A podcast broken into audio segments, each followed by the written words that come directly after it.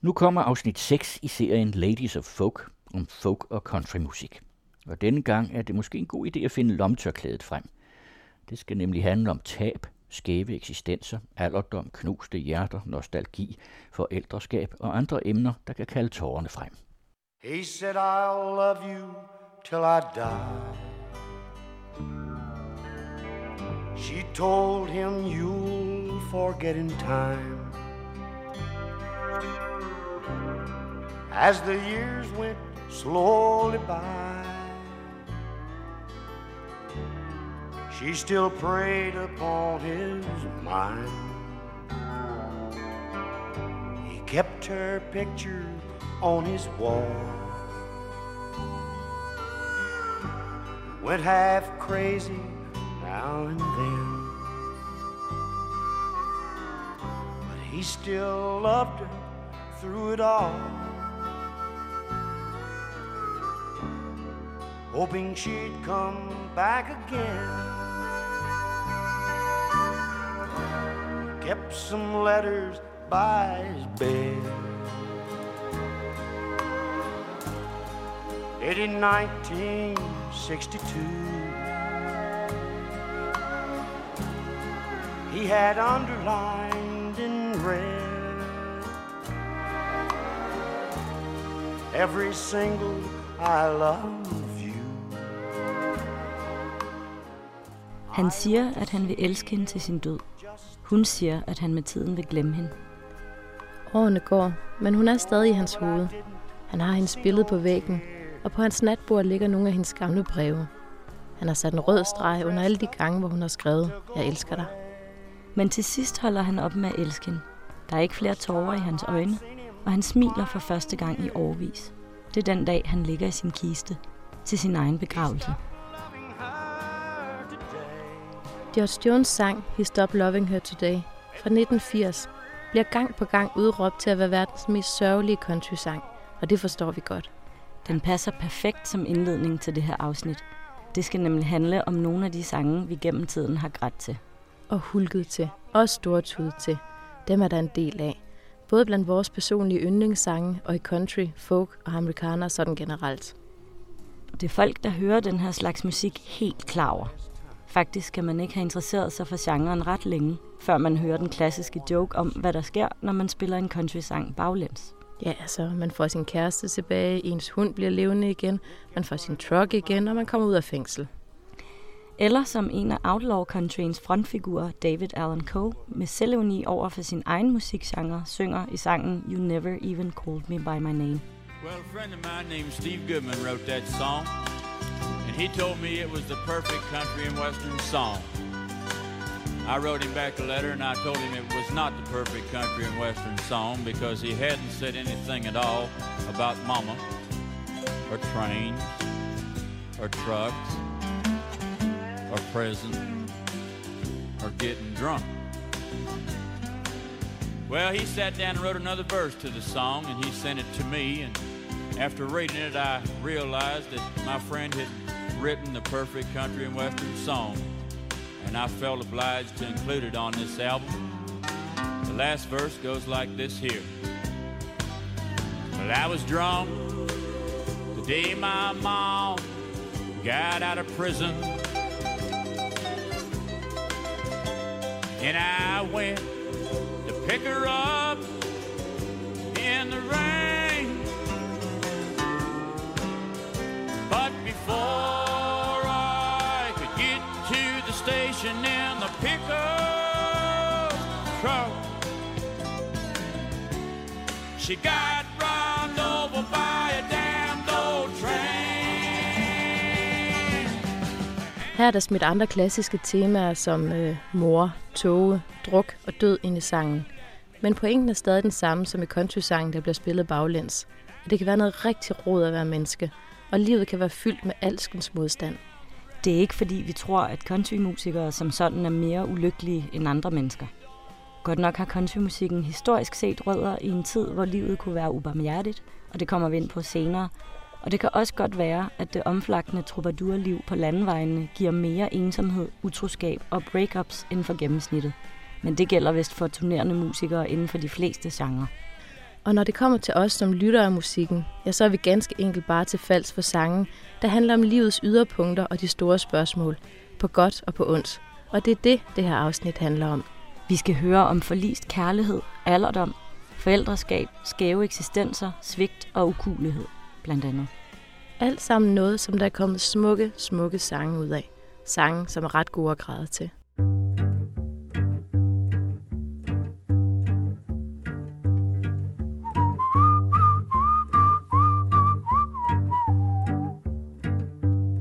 Hey y'all, I lytter til Ladies of Folk, en podcast om tre akkorder og sandheden. Om kærlighed, whisky, drømme, døden, djævlen og Gud. Om de forelskede, de fortabte, de fordrukne og de omflagtende. Med andre ord, en podcast om folk og countrymusik og om vores stormende forelskelse i den. Mit navn er Christina Svit Villadsen. Og mit navn er Evelina Gold. Tilsammen er vi Ladies of Folk. Vi ved godt, at vi i det femte afsnit af den her podcast lovede, at det her afsnit vil komme til at handle om heartbreak i country-sangen, hvor nogen bliver forladt, hvad enten det skyldes druk, utroskab, døden eller andre forhindringer. Det løfte kommer vi kun til at holde delvist. For da vi begyndte at grave os ned i det her emne, fandt vi ret hurtigt ud af tre ting. For det første, at vi selv langt fra kun græder til sange om knuste hjerter, og at vi ikke kunne bære, at alle de andre melankolske og rørende sange ikke kunne komme med i det her afsnit. For det andet vil vi gerne have noget hjerneforskning med, der kunne gøre os klogere på, hvorfor vi græder til sangen, og hvorfor vi frivilligt udsætter os selv for al den tristhed på helt masochistisk vis. Og i den forskning skiller man ikke mellem temaer i sangene, men ser generelt på, om de får os til at græde. Og for det tredje, så har de triste sange i countryens musikhistorie heller ikke nødvendigvis kun noget med knuste hjerter at gøre. Det kan også være mange andre typer af tab, elendighed og melankoli. Historien og hjernerne vender vi tilbage til. Men bottom line er, at både når det gælder det musikhistoriske og det neurologiske, giver det bedst mening at snakke lidt bredere end kun om heartbreak. Vi har derfor valgt at læne os op af vores helt personlige og temmelig grødlabile forhold til country, folk, bluegrass og amerikaner. Så vi har vedtaget, at de sange, der kommer med i det her afsnit, udelukkende er sange, som har haft en effekt på vores tårerkanaler. Altså lige med undtagelse af den selvironiske sang af David Allan Coe, som vi hørte lidt tidligere.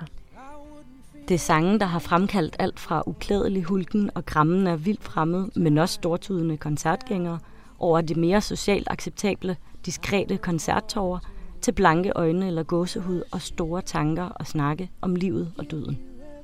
Sad songs kunne man kalde det, men det er alligevel ikke helt dækkende, for der findes faktisk en del sange, som overhovedet ikke er sørgelige, men som jeg alligevel har grædt virkelig meget til. Alt det vender vi tilbage til.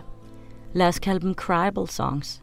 Det må blive titlen på det her afsnit, hvor vi starter med at finde ud af, hvad det er med tårer og musik.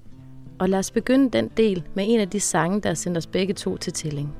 I hurt myself today to see if I still feel. I focus on the pain, the only thing that's real. The needle tears a hole, the old familiar sting. Try to kill it all away, but I remember everything. Det er Johnny Cash med sangen Hurt, som han ikke selv har skrevet. Det har rockbandet Nine Inch Nails, men den version har vi vist aldrig hørt. Johnny Cash lavede i hvert fald sin version i 2002, som en af de sidste sange, før han døde i 2003. Der er lidt forskellige meninger om, hvordan sangen skal forstås. Som vi hører den, handler den om misbrug, desperation, anger og måske forsoning. Da vi var i Nashville sammen første gang i 2017, besøgte vi Johnny Cash Museet. Og det var fantastisk. Og lige ved udgangen var der en skærm, hvor man så videoen til Hurt, hvor en aldrende Johnny Cash ser tilbage på sit liv med optagelser fra den unge Johnny på scenen og Hammer June i deres yngre dage og den slags. Det med alderdom og tilbageblik er et emne, som vi vender tilbage til. Det er i hvert fald en virkelig stærk video, og især placeringen af den var næsten for ond, for vi endte begge to, sammen med vores gode veninde Sine, som også var der, med at komme stortudende ud i souvenirbutikken, og købte selvfølgelig alt for meget Johnny Cash merchandise med hjem. ja, det gjorde vi. Men det her med, hvorfor vi græder til sørgelige sange, har vi taget en snak med hjerneforsker og professor Elvira Bratico med. Hun er italiener, men bosat sig i Danmark, da hun fik mulighed for at blive ansat på Center for Music in the Brain ved Aarhus Universitet. Det er nemlig det eneste sted i Europa, og et ud af to på verdensplan, der kæder hjerneforskning, psykologi og musik sammen i systematisk forskning. Helt overordnet er der selvfølgelig nogle gennemgående træk i musik, der gør, at vi opfatter den som glad eller sørgelig. Akustisk set har sørgelig musik eksempelvis ofte en langsom begyndelse, tonearten er mål, tonerne er mørkere, og tempoet er langsommere end i glade sange. Når det kommer til sangtekster, findes der også triggerord. De fleste giver sig selv, men blandt de her ord er nogle af de mest effektfulde dem, der har at gøre med fortiden, minder og nostalgi.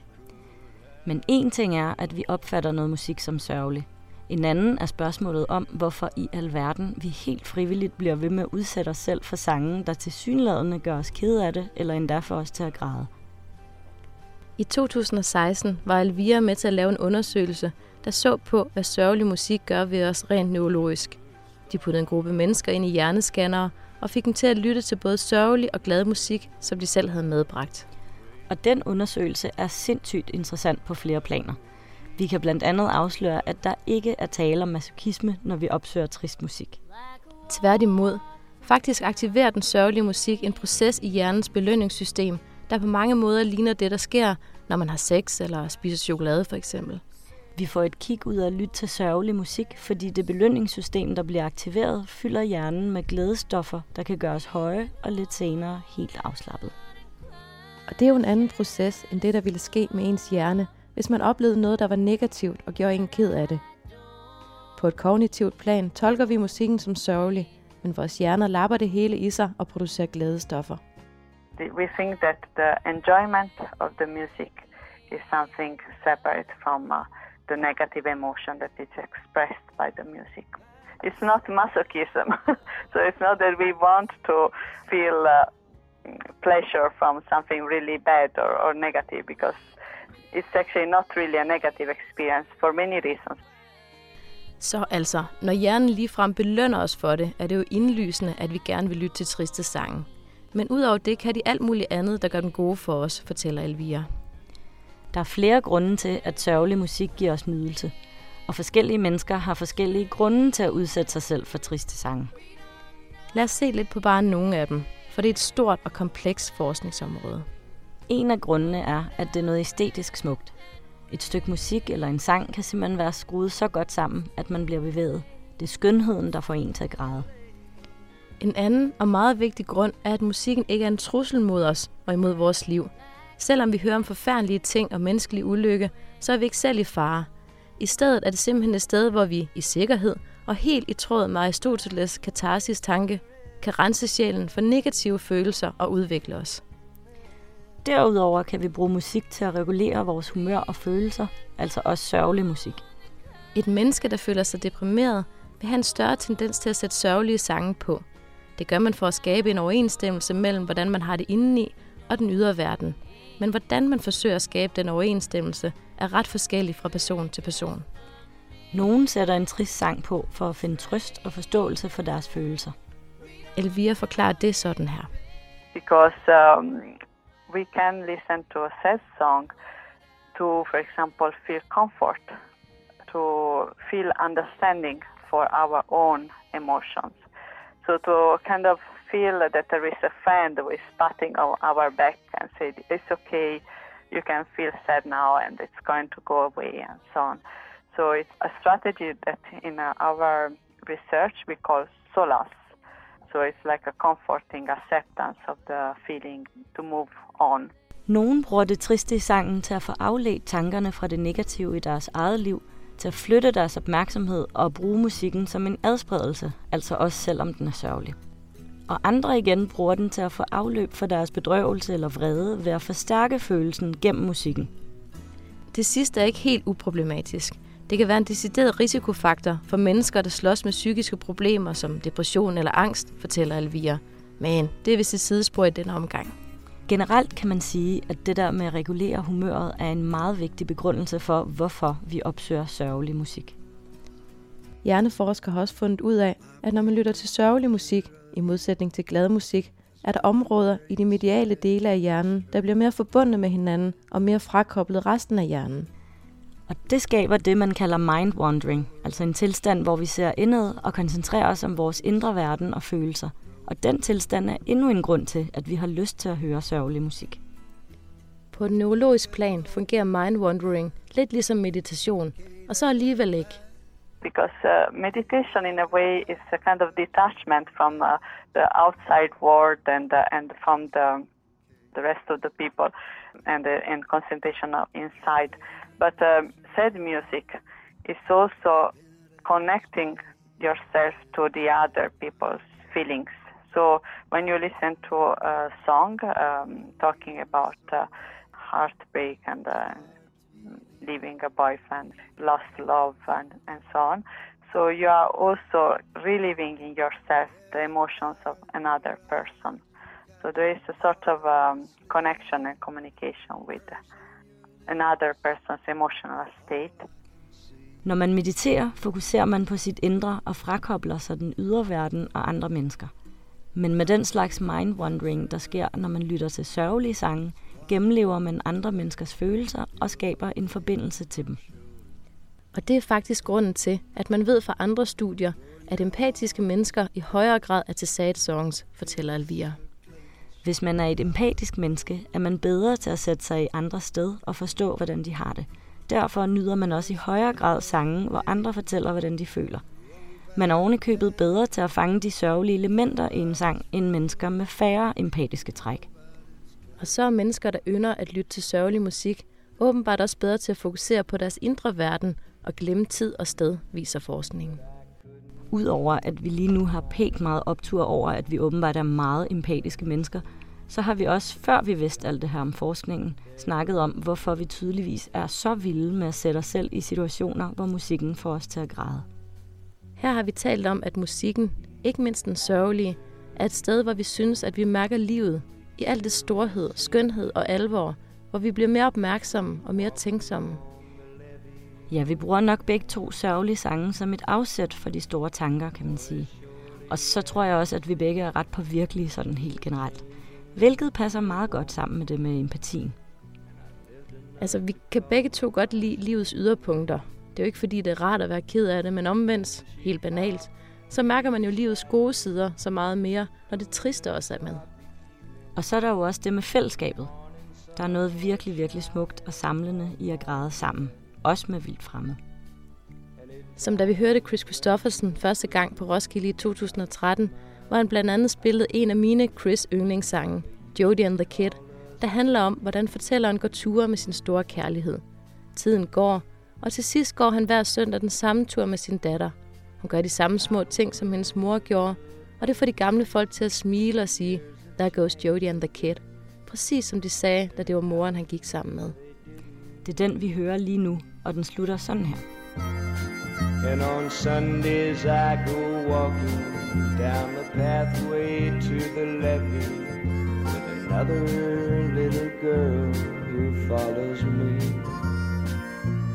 And it makes the old folks smile to see her tag along beside me, doing little things the way her mama did. But it gets a little lonesome when I hear somebody saying, Look yonder, there goes Jody and the kid. Efter koncerten, hvor jeg var helt opløst i tårer, fik jeg, uden et ord, en kæmpe krammer af Evelinas kollega, som jeg kun kort havde mødt før koncerten. Der må være et eller andet med Chris og krammer, fordi da vi hørte ham for tredje gang på Komos Festival i København, der græd jeg så uklædeligt meget, at en total fremmed vendte sig om og krammede mig efter koncerten. Chris og krammer, genialt. man blue kisses stood out in the crowd. He wasn't so tall, and he wasn't loud. Udover at vi har brugt tid på at analysere og komme med hjemstrikkede teorier, hvilket vi faktisk nu har fået en akademikers ord for er helt i orden inden for den her genre, og det vender vi tilbage til, ja, så har vi også fundet ud af, at det ikke altid er de samme sange, vi hver især græder til. Og dog, men det dog venter vi lige lidt med. For det der med, hvad vi græder til, har, surprise, en del med vores øvrige liv og interesser at gøre. For mit vedkommende er det tit sangen om de skæve eksistenser, outsiderne, the underdogs, der får mig til at græde. Vi har altid begge to haft en stor kærlighed til skæve eksistenser og mærkelige miljøer. Blandt andet har vi jo skrevet speciale sammen fra et meget atypisk fængsel i La Paz i Bolivia. Men det er rigtigt, at din interesse for de skæve eksistenser nok er større. Det er jo trods alt dig, der plejer at slutte en god bytur af med at danse med de hjemløse på rådhuspladsen. True.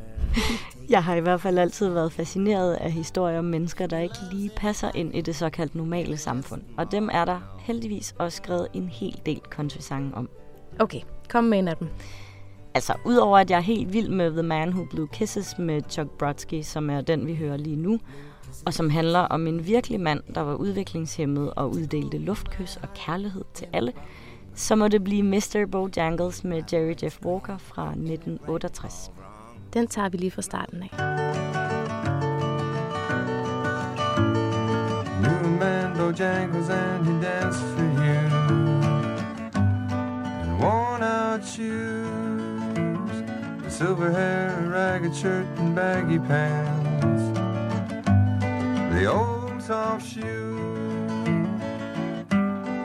jump so high, you jump so high lightly touchdown. Sangen er en virkelig historie om en gammel afroamerikansk stepdancer, som Walker mødte i en fængselscelle i New Orleans, hvor han selv var havnet efter at have fået en tår over tørsten og prøvede at overbevise en ung kvinde om, at kærlighed ved første blik findes. Mr. Bojangles, som altså levede af at danse på gaden, fortalte sin hårde livshistorie den aften i fængslet. Og da Jerry Jeff Walker senere satte sig til at skrive sangen En aften i Texas, skrev sangen nærmest sig selv. I sin bog Gypsy Songman beskriver han det sådan her. En nat, hvor resten af landet lyttede til The Beatles, sad jeg og skrev en 6 8 dels vals om en gammel mand og håb. Said the name Bojangles and he danced a lick Across the sound grabbed his pants, a better stamp, or he jumped up high, clicked his heels. Den er så smuk og hjerteskærende og melankolsk og fyldt med ensomhed. Og det er kontrasten mellem det lystbetonede, som dans jo burde være, og så uretfærdigheden i den skæbne, der tilfaldt fattige afroamerikanere, hvilket jo stadig er aktuelt i dag. Det er nok det, og så den der lidt usædvanlige 6 8 dels takt, som former hver eneste gang. Mr. Bojangle dance. Når jeg hører den sang, så kommer jeg altid til at tænke på en helt fantastisk artikel, som min tidligere kollega Rasmus Karkov skrev for den hedengangne nyhedsavisen. Den handlede om Boogie Preben, der havde lidt den samme historie. Han dansede på strøget i København, mens folk tyrede mønter i hovedet på ham og gjorde nar. Det er blandt andet den samme ensomhed som i Mr. Bojangles. Men selvom du er mest til skæve eksistenser, eller bare folk, der lever anderledes, så er det alligevel noget, vi, som sagt begge to, har en stor kærlighed til. En af de sange, som vi begge er helt vilde med, er Guy Clarks The Cape fra 1995. Den handler om en lille dreng, der laver en kappe af en melsæk, og helt overbevist om, at han kan flyve, klatrer han op på taget af garagen og springer. Eight years old with a flour sack cape tied all around his neck. He climbed up on the garage, he's figuring what the heck. Screwed his courage up so tight that the whole thing come unwound. He got a running start and bless his heart, he headed for the ground. Well, he's one of those that life is just a leap of faith. Spread your arms and hold your breath and always trust your can. Jeg er fuldstændig forelsket i sætningen. He is one of those who knows that life is just a leap of faith. At ture tage springet. Eller måske bedst oversat med citatet. At våge er at tabe fodfæstet en kort stund. Ikke at våge er at tabe sig selv som efter sine ikke er et Søren Kierkegaard-citat, som de fleste ellers tror, men det er en anden historie. Ja, fordi det smukke i The Cape er to ting. Dels at han tror på, at man skal tage chancer her i livet, og dels at der nok skal være nogen eller noget, som en kappe for eksempel, der griber en. Og så er det det ekstra fine, at han bliver ved med at have sin barnetro på, at han kan flyve. Også da han bliver gammel og grå og stadig springer fra garagen. Selvom folk hele hans liv har sagt, at han opfører sig barnligt. Eyes old and gray with the flowers that cape tied all around his head. He's still jumping off the garage and will be till he's dead. All these years the people said he's acting like a kid. He did not know he could not fly, so he did. Well, he's one of those who knows that life is just a leap of faith. Spread your arms and hold your breath and always trust your Kate. Måske er du også ekstra vild med den sang, fordi du mor. Det tror jeg. For mig er der nemlig det ekstra lag i den, der hedder børn. Og så er vi tilbage til det der med, at vi alligevel græder til lidt forskellige ting. Efter at jeg er blevet mor til Clara, der nu er næsten 8, og Maja på 4, så er der ingen tvivl om, at jeg græder allermest til sange, der handler om forældreskab. Jeg kan godt huske den dag på Tønderfestivalen i 2012, hvor det gik op for os, at vi græd til forskellige temaer. Vi var til koncert med Adam Cohen, altså Leonard Cohens søn, og jeg græd til What of the Guy, som handler om den der dybe kærlighed, der er et langt parforhold, hvor man kender hinanden så godt, at ens kæreste ved sådan noget som, hvordan man dufter om morgenen, eller hvordan man tipper hovedet, når man skal have taget et billede. Og jeg græd til Beautiful, som både kan læses som en kærlighedssang til ens elskede og til ens barn. Men inden Adam Cohn sang den, fortalte han den mest rørende historie om at blive far, så derfor blev den sat i det lys. Han synger blandt andet, Thank you for being so beautiful For making business as usual So fucking beautiful Linjen Thank you for making business as usual so fucking beautiful var i lang tid den mest rammende måde, jeg kunne beskrive det at være mor på. Han sagde det så meget bedre, end jeg selv kunne sige det. Du har også grædt ret meget til Brandy Carlisle's The Mother fra 2018. Brandy Carlisle har to børn sammen med Catherine Shepard, og det er deres ældste datter Evangeline, sangen handler om. Den handler blandt andet om, hvordan hendes datter frarøver hende nattesøvn og selvoptagethed, smadrer arvestykker, ødelægger alle muligheder for at planlægge ting og får bilen til at ligne noget, der er løgn. Men intet af det er jo i virkeligheden vigtigt. Samtidig er den dobbelttydig, for hun siger, at intet af det er vigtigt, Alligevel ønsker hun nogle gange, mens hun holder sin sovende datter, at hun kunne gå ud i verden, ligesom sine rowdy friends. First things that she took from me were selfishness and sleep. She broke a thousand heirlooms I was never meant to keep. She filled my life with color, canceled plans and trashed my car. But none of that was ever who we are. Outside of my windows are the mountains and the snow. I hold you while you're sleeping, and I wish that I could go. All my roadie friends are out accomplishing their dreams, but I am the mother of Evangeline. Og så fortsætter hun, og man er ikke i tvivl om, hvilket liv hun helst vil have. Og her er jeg helt opløst hver gang.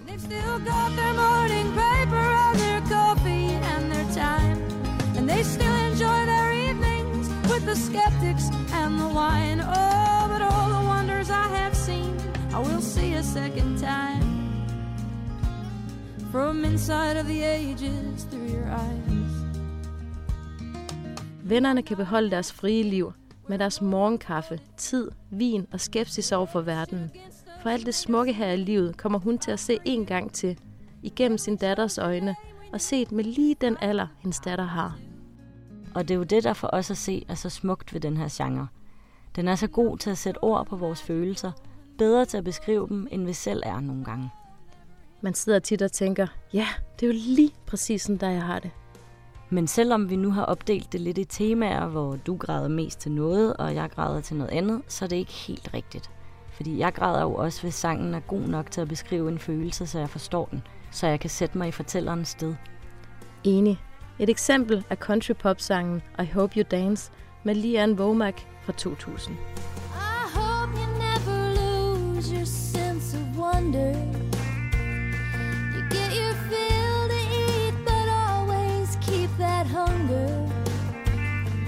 May you never take one single breath for granted. God forbid love ever leave you empty handed. I hope you still feel small when you stand beside the ocean. Whenever one door closes, I hope one more opens. Promise me that you'll give when you get the choice to sit it out or dance, I hope you dance. I hope you dance. Det er jo heller ikke kun en morsang. Den handler også om, hvordan man helst selv vil leve sit liv. Om det, man gerne vil give videre til et barn, eller bare til et andet menneske for den sags skyld. Det er den tale, som alle gerne vil have deres mor til at holde. Sådan en, hvor hun siger, at der kommer en dag, hvor jeg ikke er her mere.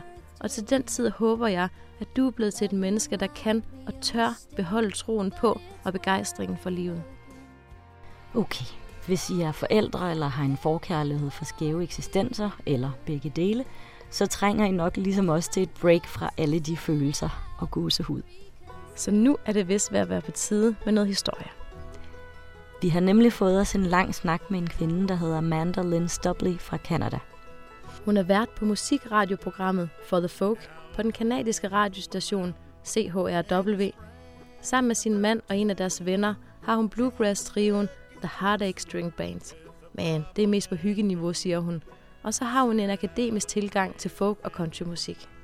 Hun har taget en mastergrad i folklore på University of North Carolina og underviser også i det en gang imellem.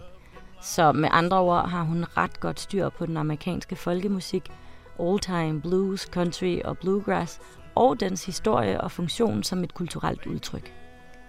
Det var hende, der gav os en blåstempling af en af vores yndlingsbeskæftigelser, som vi nævnte i starten. Det der med at lave hjemmestrikket teorier om countrymusik. Hun siger, at der faktisk er en lang tradition for det i den genre.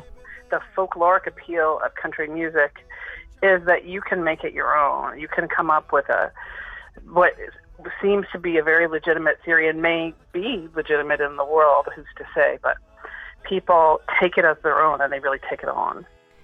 En del af countrymusikkens appel er altså netop, at det er en genre, som almindelige mennesker fortolker og teoretiserer over.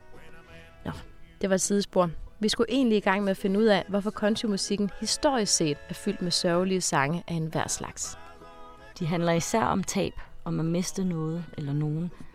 Og det er der flere grunde til, siger Amanda. For det første skal man huske på, at countrymusik jo oprindeligt var folkemusik fra Europa og andre verdensdele, som så rejste over Atlanten til det unge Amerika, blandede sig med hinanden og senere blev til en populær og kommersiel musikgenre, der fik betegnelsen country, og som sidenhen har fået mange forgreninger og undergenre. Oprindeligt var det altså en masse folkemusik, hvoraf en stor del var ballader. Og balladerne handlede ofte om mor, men Murder Ballads har vi vist nørdet rigeligt i afsnit 2 i den her podcast, så ikke mere om dem lige nu. Men udover mor handlede de her sange om alle mulige andre sørgelige ting. Tab for eksempel. Amanda peger også på countrymusikkens tætte bånd til bluesmusikken og arven fra den som en vigtig faktor. Bluesmusikken, særligt countrybluesen, som blev født i Mississippi-deltaget i det amerikanske syd og var slavernes og de underkudede afroamerikaners musik, handlede ofte om kærlighed og tab. Så også derfra flyttede en hel del lidelse, død og hjertesorg ind i countrymusikken. If you rise in the morning, well, well, well, judgment show, judgment show. Den tredje ting, der gjorde Sadness til et af countrymusikkens signaturtræk, var den tid, hvor country blev en etableret genre. Mange peger på 1927 som året for det musikalske Big Bang, der skabte countrymusikken. Det var da Bristol Sessions fandt sted i byen Bristol i Tennessee. Kort fortalt gik Bristol Sessions ud på, at den amerikanske talentspejder, lydtekniker og datidens svar på en pladeproducer, Ralph Peer, lavede studieoptagelser med Jimmy Rogers og The Carter Family. Musikken kom på plader, og countrymusikken blev til en ting, der kunne sælges. Kritiske countrymusikhistorikere afviser vigtigheden af Bristol Sessions som en myte og påpeger, at der altså blev lavet optagelser med countrymusik allerede i 1922. Men altså, om det var The Big Bang eller ej, så var 1927 et skældsættende år i countrymusikkens historie. Og timingen er vigtig her. Fordi mindre end to år senere skete der nemlig det, at Wall Street krakkede og satte gang i den store depression. Med andre ord var der altså ret meget stemning for sange om tab og elendighed, som den tids countrylytter kunne spejle sig i. Elendigheden afgrænsede sig altså ikke til ulykkelig kærlighed, understreger Mandolin. Sangene handlede lige så meget om det hårde liv. Country music was being put together by people who were running businesses and they saw that that sold. That was in 1927. And with in two years it was 1929 and the depression and people could relate to songs of loss and they weren't always songs of love lost. You know, they might have been songs about hard lives and I think once the ball got rolling, it fed itself over the years. For at blive i det historiske spor, er der endnu en faktor, der har været med til at forme sadness i countrymusikken. Den industrialisering, der fandt sted i USA mellem 1880 og 1929, betød naturligt nok, at en masse mennesker flyttede fra land til by for at arbejde på fabrikker for eksempel. Et tilbageblik på det, mange havde forladt, og en nok lidt romantiseret længsel efter et liv og en tid, hvor tingene var mere simple, betød, at nostalgien blev et af countrymusikkens kendetegn. It was a nostalgic music from its earliest form. So commercial country music where it was being sold developed at the same time that people were moving from rural to urban areas for work as a part of the sort of late industrial revolution uh, in the US. So it was appealing to think back to a simpler time, to think, think back to the home that you lost because you needed a job in a cotton factory or something like that. Det med nostalgien passer jo et som fod i hose med det hjerneforsker Elvira Bratico har sagt om, at nostalgi i sangtekster er en triggerfaktor for, at vi opfatter en sang som sørgelig. Men anyway, man kan tænke på det hele som en masse dele, der flettede sig sammen til det, der udgør al tristessen i countrymusik i dag, siger Amanda. Industrialiseringen, nostalgien efter det tabte hjemsted og det simple, såkaldt autentiske liv, arven fra bluesmusikken, folkemusikken og balladerne og det tidsmæssige sammenfald mellem countrymusikkens fødsel som genre og den store depression. Og derfor, siger Amanda, They all in their own way had kind of a, a tilt toward sadness. And by the time of the Big Bang in 1927 and the industry that formed around it, it became built at the core of the sound of the music. It became, uh, you could say, institutional or canonical. It became a core part of how you know it's country. And you know, there's lots of jokes about that. Og så er også Amanda tilbage ved den klassiske joke om, hvad der sker, når man spiller en country-sang baglæns. I forhold til det med nostalgien, så er der også en masse af vores sange i den kategori. Blandt andet John Prynes Hello in There fra 1971. John Prine spillede den på Tønder Festival i 2015 i et tæt pakket telt søndag aften. Han er en gammel mand efterhånden, og han har haft kraft i halsen, hvilket har gjort hans stemme dybere og mere rå end på de tidlige optagelser. Men ulig mange af vores andre store helte, så er han heldigvis still going strong og skal faktisk spille igen på Tønder Festival til august. Og i hvert fald, stemme eller ej, det gør jo ingenting, når han synger sange med tekster som den her. We had an apartment in the city. Me and Loretta like living there. Well, it'd been years since the kids had grown a life of their own, left us alone. John and Linda live in Omaha. And Joe is somewhere on the road.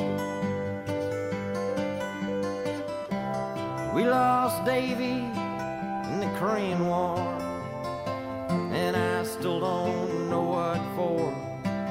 Don't matter anymore. You know that old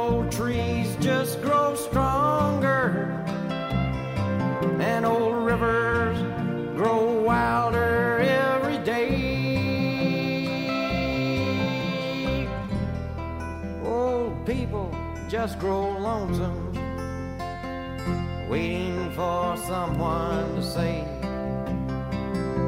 hello in there. Oh.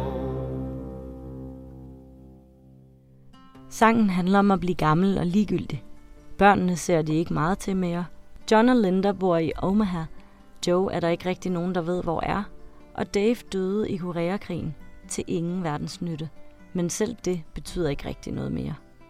Og så synger John Prine i det smukke omkvæd, hvordan træer bare vokser sig stærkere med tiden, og floder bliver vildere, imens gamle mennesker bare venter på, at nogen ser dem. Sangen med et tilbageblik på et levet liv er vi begge to rigtig glade for. Jeg tror meget, at det skyldes, at de er en slags reminder om at leve sit liv nu, før det er for sent. Og at leve det, som man selv vil, og ikke nødvendigvis følge med strømmen. For en dag er det slut. Man har kun ét liv, så bliver man da for hulen nødt til at leve det ordentligt. I det ligger der jo netop også en frygt for, om man får det liv, man drømte om. Og man kommer til at forspilde det. Og så går det alt, alt for hurtigt. Det minder den slags sange os også om. Der er en storhed i det. Den slags sange minder en om, hvor stort det er at være til. Med alle de knups og momenter af lykke, man samler op undervejs. Udover det, så er sangen med det der tilbageblik også præget af, at fortælleren i sangene er i slutningen af livet. Og de er på en eller anden måde særligt fulde af visdom, selvom sangeren bag jo ikke nødvendigvis selv er lige så gammel. Lad os lige høre en mere. Her er det Hayes Carls You Leave Alone fra det helt fantastiske album Lovers and Leavers fra 2016. Billy Bill cars that never went nowhere. The only thing working was the dial radio. He sat on the front seat listening to baseball. Dreaming about places that he'll never go. He liked to ride bulls and tease all his children. Pick up new words that meant nothing at all. Curse the stars that had left him in that chest. Hum an old tune and cry as they'd fall. One conversation, short term destination, can lead to a lifetime away from home. And no plans worth making, all the big dreams are taken. You leave this world, you leave alone. Den handler om Billy, der bygger biler, som aldrig kommer ud at køre.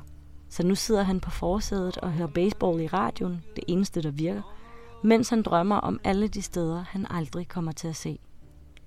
Det er en sang med flere lag, som vi ser den.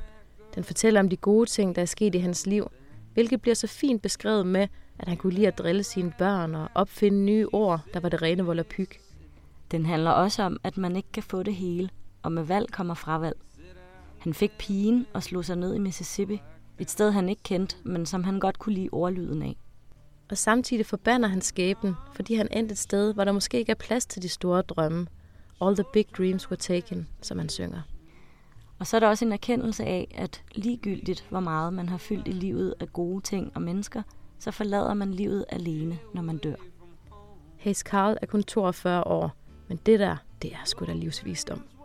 Han er den første, jeg kommer til at tænke på, når den amerikanske musikanmelder Ken Tucker siger, Never underestimate the guys with sleepy eyes and heartache in their voices. They're sometimes the guys that really get you where you live.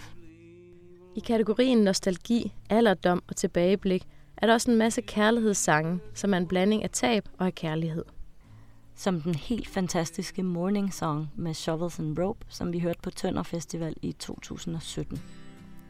Den hedder Morning Song, altså sørgesang, men den spiller samtidig på ordet Morning Song, altså morgensang. She walked into the kitchen where most mornings would begin. Hun går ind i køkkenet, hvor de plejer at starte dagen sammen. Hviler hænderne med de lange, slanke fingre på køkkenbordet og ser på det sted på væggen, hvor han plejede at hænge sin mandolin. Før han døde, lærte han hende fire akkorder, så hun, når han var borte, kunne spille sin sang om sorgen. Jeg tror, den er på min top 5 over de smukkeste sange, jeg nogensinde har hørt. Hun står der i køkkenet og tænker på den mand, som hun har tilbragt et langt og lykkeligt liv sammen med. Og vi får fortalt historien om ham. Han havde ikke den helt store sangstemme, men der var så meget sjæl i den. Og han var altid klar med en joke, der kunne få alle til at dø af grin. Og så linjerne. No beginning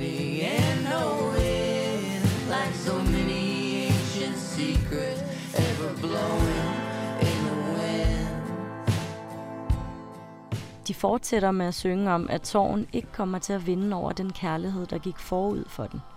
Og så kommer det sidste vers, hvor jeg med 99% sikkerhed bryder ud i gråd. Hun har elsket ham fra morgen til aften, hver eneste dag. Fra ungdommens vildskab til alderdommens visdom. Fra livets tidlige gyldne dage til de grundene, Fra nyfødte børns sange til de gange, de har skulle sige farvel til dem, de mistede. Og i al den tid har hun elsket ham, siger hun, og beder ham om at synge hende på vej det sted hen, hvor hun kan møde ham igen. Med den sørgesang, han efterlod. Og undskyld, jeg er sentimental, siger hun. Du var altid stærk. From the morning the evening of each and every day. Wildness to wisdom, from the gold on through the gray. From the songs of newborn babies to those who fell along the way.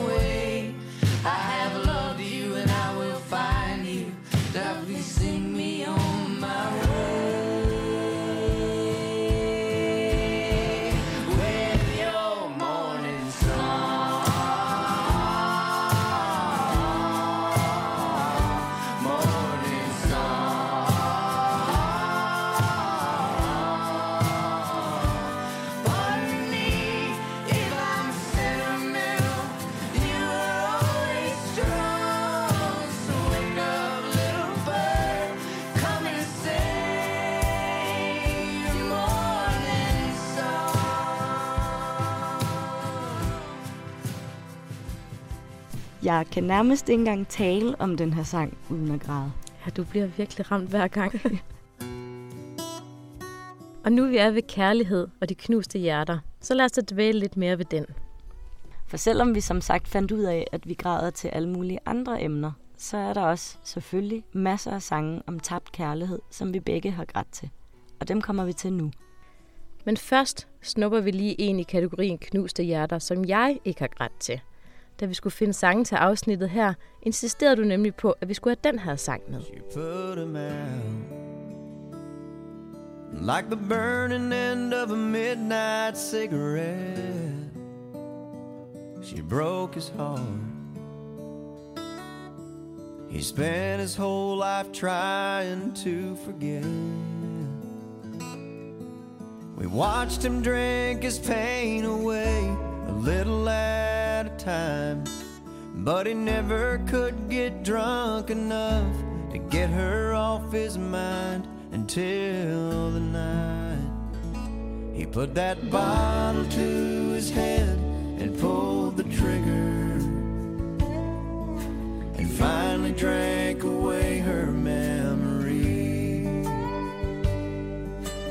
Life is short, but this time it was bigger than the strength he had to get up off his knees. We found him with his face down in the pillow, with a note that said, I'll love her till I die. And when we buried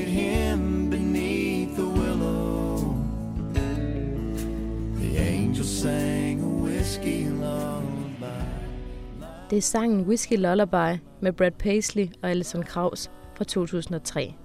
Den handler om en mand, der får knust sit hjerte af sit livs udkårne og bruger resten af sit liv på at drikke minderne og smerten væk.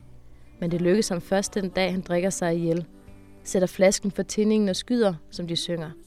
De finder ham med ansigtet ned i hovedpuden, med en seddel ved siden af, hvor der står, at han vil elske hende til sin død.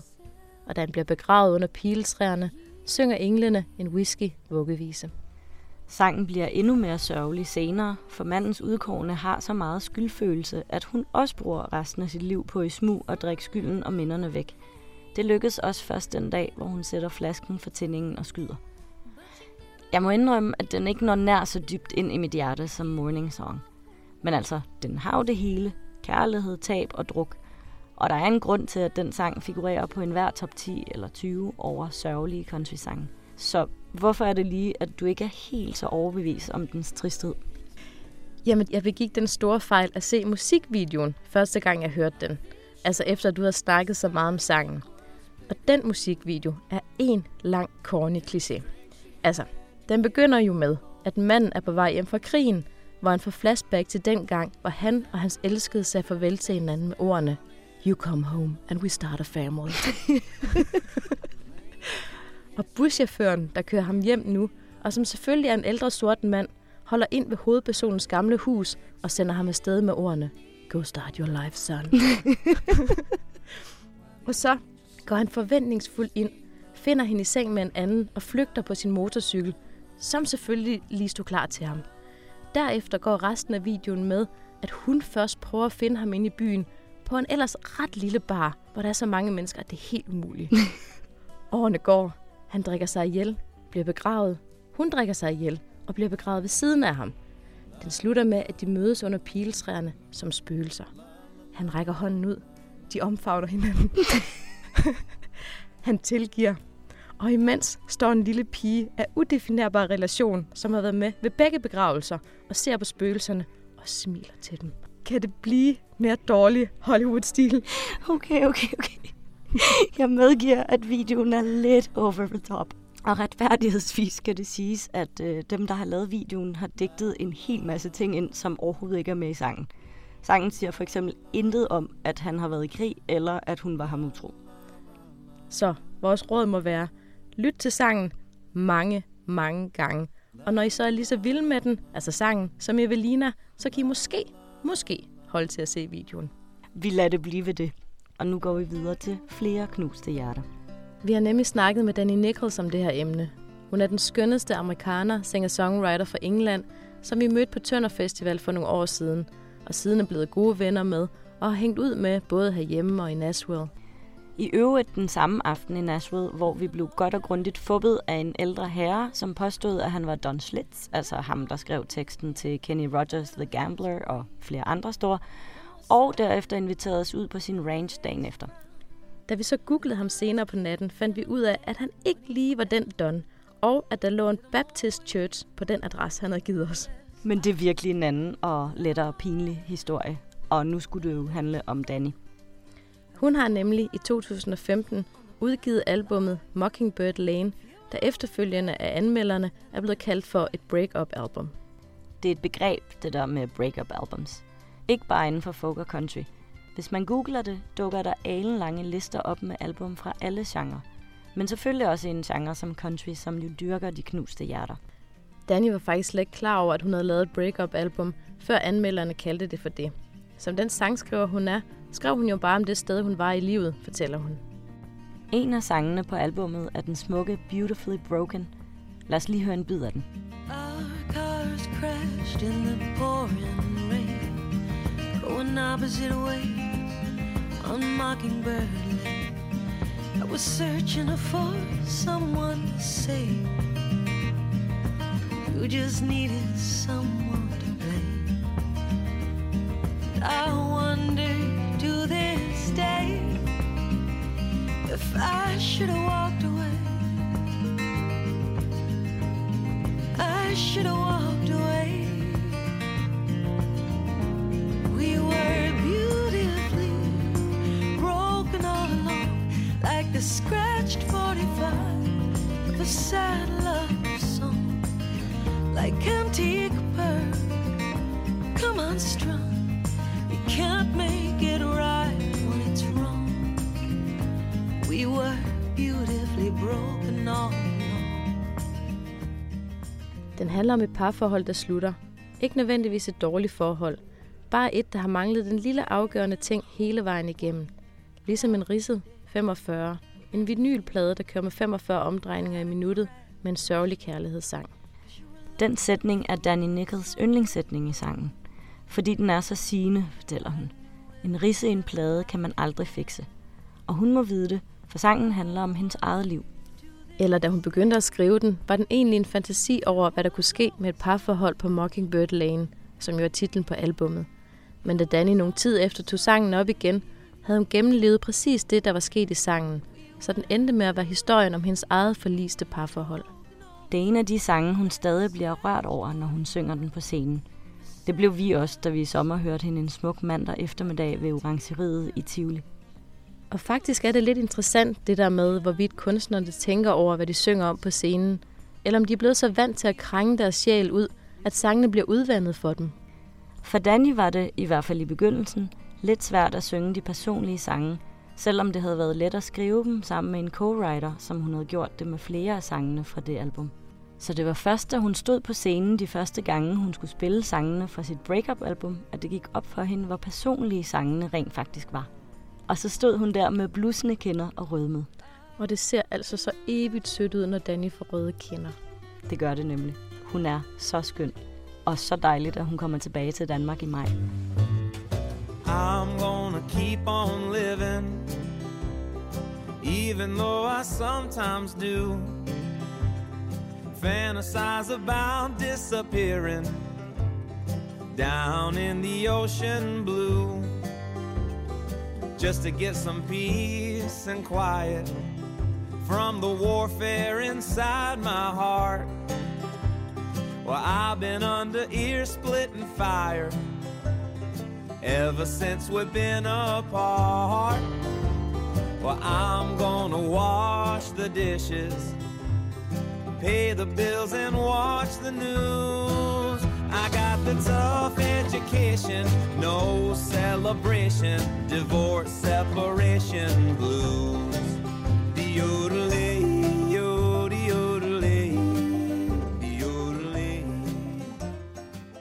Vi har talt meget om det her med breakup albums, for vi har flere gange oplevet, at vi har lyttet til et album og er blevet helt vilde med det. Og så, når vi har nærlyttet, har vi fundet ud af, at det var breakup album. Så vi er åbenbart også til falds for breakup og skilsmissesange. En af de mest fantastiske skilsmissesange, vi kender, er The Avid Brothers Divorce Separation Blues fra deres 2016-album True Sadness, som vi hører lige nu. Albummet er egentlig ikke et breakup album som sådan, men sangen her er i hvert fald en sang om det ultimative brud. Og så er den så smuk, at vi bliver nødt til at have den med. Da vi interviewede The Avid Brothers på Tønder Festival i 2016, fortalte de, at den her sang måske havde fået lidt ekstra opmærksomhed fra publikum, fordi der ikke er ret mange sange, hvor man synger så specifikt om skilsmisser, og altså aktivt bruger ordet divorce. Men at de gerne vil dele den med publikum alligevel, fordi de jo skriver om både sorger og glæder. Anyway, måske er det bare lettere at skrive sange på smerte end på glæde. Vi har i hvert fald også oplevet, at kunstnere, der har fundet kærligheden i det virkelige liv, i vores øjne er faldet betydeligt af på den. Eller i hvert fald endnu ikke har formået at skrive alle de smukke sange om livet, forgængeligheden, forældreskabet og den slags, som vi allerede har nævnt masser af eksempler på. I stedet lyder det for os i hvert fald, som om de forsøger at skrive videre på kærligheden, men nu bare den lykkelige af slagsen. Og det fungerer sgu ikke rigtigt for os. Som Casey Musgraves, som vi holder rigtig meget af, der gik fra inderlige og finurlige betragtninger om livet på sine to første albums, til det Candy Floss univers hun folder ud på sit seneste album, Golden Hour fra 2018, efter at hun blev lykkelig forelsket og siden gift med Ruston Kelly. Hun har selv udtalt, at albumet er inspireret af hendes mand og det syn på kærligheden, som han lærte hende. Et mere positivt og glædesfyldt syn. Og det er jo dejligt i det virkelige liv. I vores ører lyder det bare ikke som noget, man skriver gode country-sange på. Men retfærdighedsvis skal det også siges, at da vi begyndte at nærlæse teksterne på Golden Hour, så kunne vi stadig genkende noget af Cases finurlighed og skarpe detaljer i teksterne. Så måske er det bare det musikalske stilskift og den polerede indpakning af hendes stemme, som vi ikke er særlig vilde med. Og så er den slags jo også altid et spørgsmål om smag. Golden Hour har fået en Grammy-nominering i kategorien Årets bedste countryalbum. Og det forstår vi jo så af flere grunde ikke. Men lad nu den ligge. Ja, men hvis ret skal være ret, så er det selvfølgelig slet ikke så sort-hvidt, det der med, at breakup albums er gode, mens album skrevet på lykke er elendige. Heldigvis. Og det vil også være rigtig kedeligt og trist for musikerne i øvrigt. Danny Nichols fortæller da også, at hun skriver sine mest sørgelige sange, når hun er kommet ud på den anden side og er et godt sted i livet. Ellers er hun så langt nede, at hun ikke er i stand til at skrive eller er i stand til at finde hoved og hale i det hele. Men også det er selvfølgelig forskelligt fra person til person, siger hun. Til gengæld elsker hun ligesom os sad songs og mener, at det er en del af det at være menneske, at vi søger følelsen af ikke at være alene med det, vi oplever. Især det, der er svært. Nu har vi brugt de sidste mange minutter på at dvæle ved et hav af sørgelige sange. Alle dem, som vi har grædt os igennem. Og selvom vi har hjerneforskning til at bekræfte, at det giver mening at lytte til sørgelige sange, fordi det udløser glædestoffer, så er der stadig et spørgsmål, vi mangler at besvare. Ja, nemlig om det hele kan blive for sørgeligt. Hvis man ser på hjerneforskningen, så siger Elvira Bratico, at det med, om vi græder eller bliver rørt af en trist sang, kommer helt an på, om vi kan lide sangen. Det lyder som selvfølge, men her taler vi i neurologisk forstand. If you are not moved and if you are not uh, empathic with the emotions that are described in the songs, then your brain doesn't activate. You are only analyzing the features and you are noticing that this sounds sad and this sounds something negative, but you are not really moved, you are not really tuned with the emotions. All these deeper parts of the brain, the limbic areas and the reward areas, uh, and the motor activity, they are not triggered at all. Hun siger, at hvis vi ikke kan lide en sang, så bliver de her dybere områder i hjernen simpelthen ikke aktiveret. Og det er der alt det med følelserne sidder. Så man registrerer altså, at sangen lyder trist, men den går ikke ind og trigger de samme belønningscentre, som hvis man var vild med sangen. Det er sgu da fascinerende, at man kan måle den slags. Helt vildt fascinerende. Men ja, det passer også meget godt med vores erfaring. Der er sange, som på papiret burde få gang i tårerkanalerne, men som ikke gør det for os. Og det kan der være forskellige grunde til, og det har vi faktisk også talt meget om. Vi har en idé om, at sangen kan være for konstrueret. Altså så man får en fornemmelse af, at de er lavet med det ene formål at få lytteren til at græde. Og så virker det ikke. Eller også er de simpelthen for sørgelige og uden håb. Det mener folklorist Amanda Lynn Stobley i hvert fald kan være tilfældet. The ones that are too melodramatic, so the everybody dies in a house fire song, uh, maybe other people enjoy them, but for me it's too much. Hun siger, at det er forskelligt fra person til person, men for hende skal det være the right amount of sad for at være en god trist sang. Og her er vi enige med hende. For udover at der skal være en masse andre ting til stede, som for eksempel finurlige beskrivende detaljer, der for os tit er det, der gør fortællingen følelsesmæssigt troværdig, så må en sang ikke være udelukkende trist. Der skal enten være gået noget forud for alt det triste, eller også skal der være en eller anden form for håb. Singer-songwriteren Mary Gauthier, som er en af vores største helte, er indimellem blevet kaldt The Queen of Sad Songs. Det var blandt andet hendes sang om den sidste vagabondkonge, vi nørdede pænt meget i det tredje afsnit af podcasten her. Da vi interviewede hende på Tønder Festival i 2016, satte hun på smukkeste vis også ord på, hvad en trist sang kan, og på det der med, at en sang ikke kun må være trist. Selvom hun skriver de mest sørgelige sange, så vil hun aldrig leave the audience bleeding on the floor, som hun formulerede det. Og fordi Mary Gauthier, som så mange andre sangskrivere, er bedre til at sætte ord på det, vi mener, end vi selv er, og fordi hun er så vildt sej, og fordi vi har grædt flere tårer, end vi kan tælle til hendes koncerter, ja, så får hun det sidste ord i det her afsnit. I don't believe in hopelessness, and I don't believe in hopeless songs. Leaving people bleeding on the floor would be to saying, My mother died, my dog died, my house was flooded, I don't have anything left, and I'm going to kill myself. Good night. I would never do that. I would say, you know, my mother died, my dog died, my house flooded, I've got nothing left but a song. There's something. There's hope. We're built to hope. And songs that can give hope to the hopeless, it's not going to be the happy song that gives hope to the hopeless. It's not going to be the upbeat, isn't life great, let's go have sex song that's going to give hope to the hopeless. It's going to be the real song that can draw tears, but that person will know they're not alone. That's why it works so beautifully. Det var næsten alt for i dag. Tak til jer, der lyttede. Hvis I har kommentarer, spørgsmål eller emner, vi skal tage op, så tøv ikke med at skrive til os på ladiesoffolk gmail.com. Og følg os endelig på vores Facebook-side Ladies of Folk, en podcast om folk og countrymusik, fordi udover at reklamere for nye afsnit, deler vi alt mulig bonusinfo derinde. Hvis I vil høre mere af musikken fra det her afsnit, har vi som altid lavet en playliste til jer. Gå ind på Spotify og find listen Ladies of Folk Songs That Make Us Cry. Denne podcast-serie er produceret i samarbejde med den anden radio og Tønder Festival, og redigeret af fantastiske Jytte Nordholt.